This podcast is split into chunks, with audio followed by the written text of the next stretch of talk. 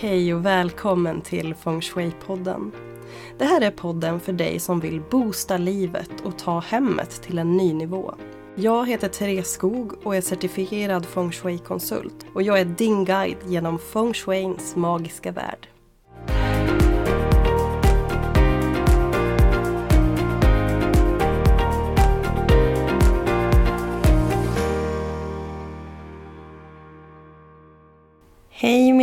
Lyssnare! Välkomna till Feng Shui-podden. Idag tänkte jag att vi skulle prata om att rensa. Jag har ju släppt några tidigare avsnitt där jag pratar om eh, konkreta tips för att rensa och hur du kan tänka och för hur du kan, vad du kan göra för att komma igång med rensandet. Eh, idag tänkte jag mer att jag skulle prata lite om att rensa. Utifrån kanske feng shui och KonMari och för jag upplever att det är en väldig hype kring att rensa just nu. Eh, antalet KonMari och ordningskonsulter växer ju i en eh, rasande fart. Och personligen så tycker jag faktiskt att den här rensningshypen är positiv.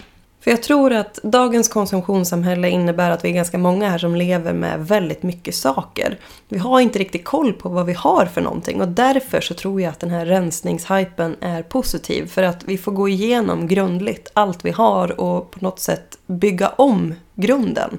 Eh, se över vad vi har, välja ut vad vi behöver och vad vi tycker om och liksom bygga upp en ny, mer stabil grund på längre sikt.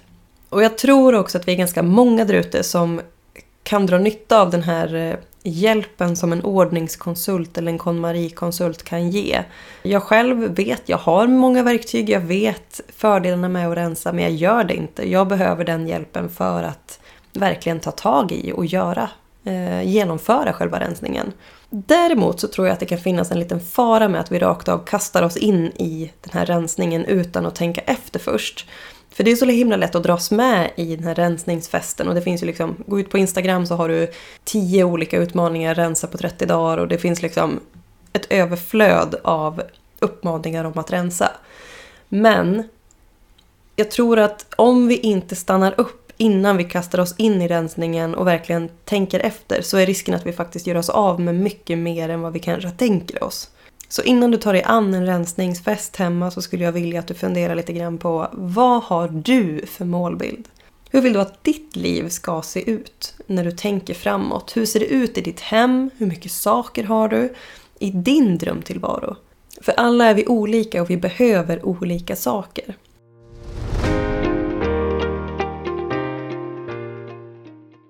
Inom feng shui, eh, och något som jag också själv tänker på ganska mycket är att saker blir någon form av eh, kopplat till någon form av känsla av trygghet. Att samla på saker tyder generellt på att eh, du, du har någon form av bristande tilltro eller bristande inneboende trygghet. Där blir sakerna eh, någonting att hålla fast vid, någonting att luta sig mot. Eh, och det är en ganska stor process att rensa. Men när vi rensar så återupplever man ju en massa känslor och minnen. Vi väcker till liv saker som vi kanske har förträngt. Eh, vi kanske möter egna känslor kopplade till skam över att vi har så mycket saker som vi har eller skicket på våra saker. Men det väcker ju också ganska mycket känslor att eh, släppa taget om saker. Och jag skulle kunna tänka mig att det har hänt i princip alla av oss. Att när vi har rensat bort någonting, gjort oss av med någonting, så händer det bara några dagar senare att vi hamnar i en situation där vi, fasen, nu hade det varit bra att ha den där saken som jag precis slängde. Typiskt, jag borde inte slänga. Men det som händer när vi har gått igenom våra ägodelar på det sättet är att vi väcker de här energierna till liv och alltså precis lyft den här prylen i minnesbanken. Hade exakt samma situation uppstått utan att du hade rensat och utan att du hade gjort dig av med den här saken så är risken ganska stor att du inte ens hade vetat om att du har haft den här saken som du nu har rensat bort. Och då hade vi troligtvis kanske skaffat en ny sån pryl istället eller löst problemet på annat sätt. Så att bra att ha saker är ofta bra att göra sig av med. Om du inte har väldigt, väldigt stort och har möjlighet att förvara, då visst, självklart. Det är ju bara positivt för dig då. Men jag måste lära mig att släppa taget för att jag har så mycket som bara ligger och skräpar.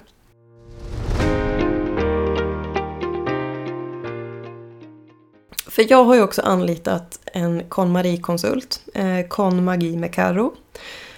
Hon erbjöd olika typer av konsultationer och jag själv valde hennes, jag tror att det var hennes minsta paket, eller om det var ett av de i alla fall mindre paketen. Eh, och det betyder att jag gör det mesta av jobbet på egen hand.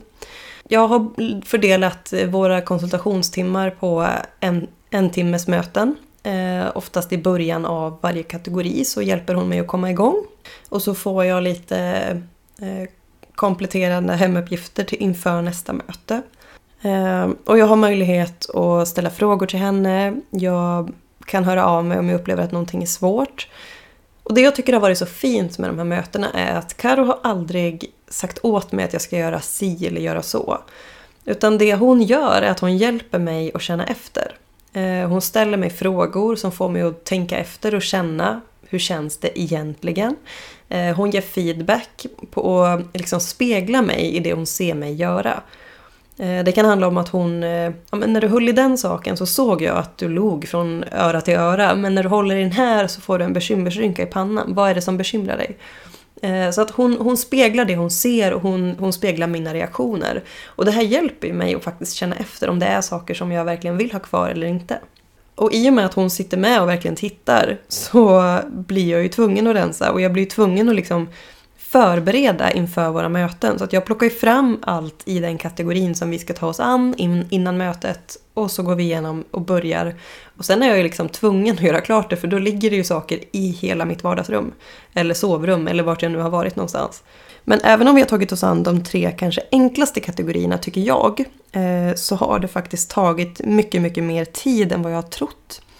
Så att det är något jag vill eh, skicka med om du funderar på att anlita en ordningskonsult. Räkna med att det tar så mycket mer tid än vad du kanske är inställd på från början.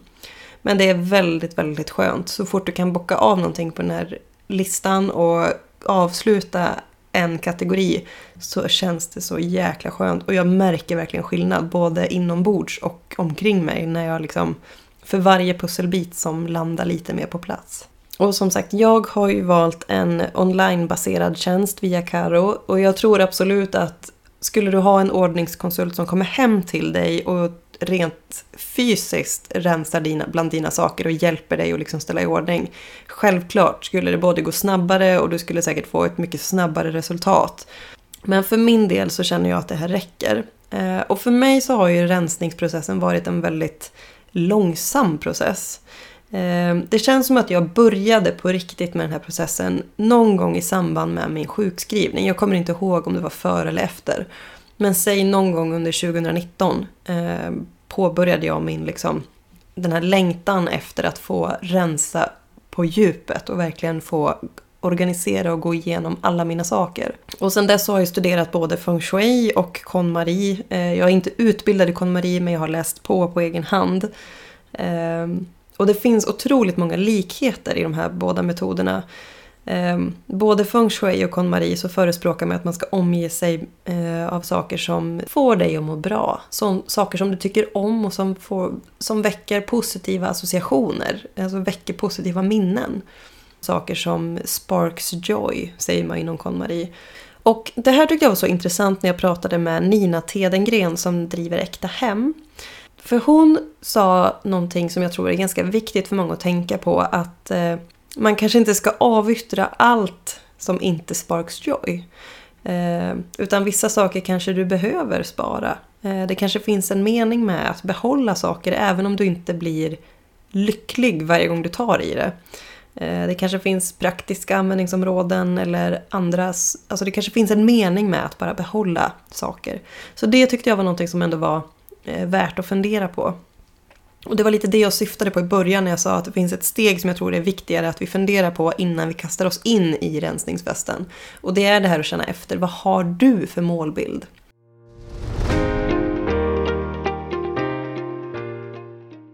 Jag upplever att jag har vridit och vänt på min relation till i princip alla mina saker. Eh, jag har visualiserat min målbild och eh, hur jag skulle vilja att ordningen i mitt hem är. Och nu känns mitt mål väldigt väl förankrat och det gör att jag har lite lättare att göra mig av med saker eller i alla fall besluta mig kring saker. För det kan ju även vara beslut om att faktiskt spara någonting med självförtroende. Även fast det inte är varken vackert eller praktiskt men jag kanske älskar det och jag vill att det ska få finnas kvar. Så att mitt bästa råd till dig som vill skapa god feng shui i ditt hem och i ditt liv. Lägg mycket tid på att lära känna dig själv. Lär känna dina känslor, lyssna till dina innersta tankar och känslor, lyssna till din vilja. Bygg upp din målbild för din skull och identifiera vad som betyder mycket för dig. Hur vill du att det ska kännas när du är hemma, i ditt hus? Och har du frågor om rensningsprocessen, om det här att rensa med en KonMari-konsult som jag har anlitat, eller utifrån feng shui, hör av dig. Du vet att du hittar mig på skogliving.se eller på Instagram där jag heter skogliving. Tack för att du har lyssnat. Ha en fantastisk dag nu så hörs vi igen om ett par veckor. Hej då!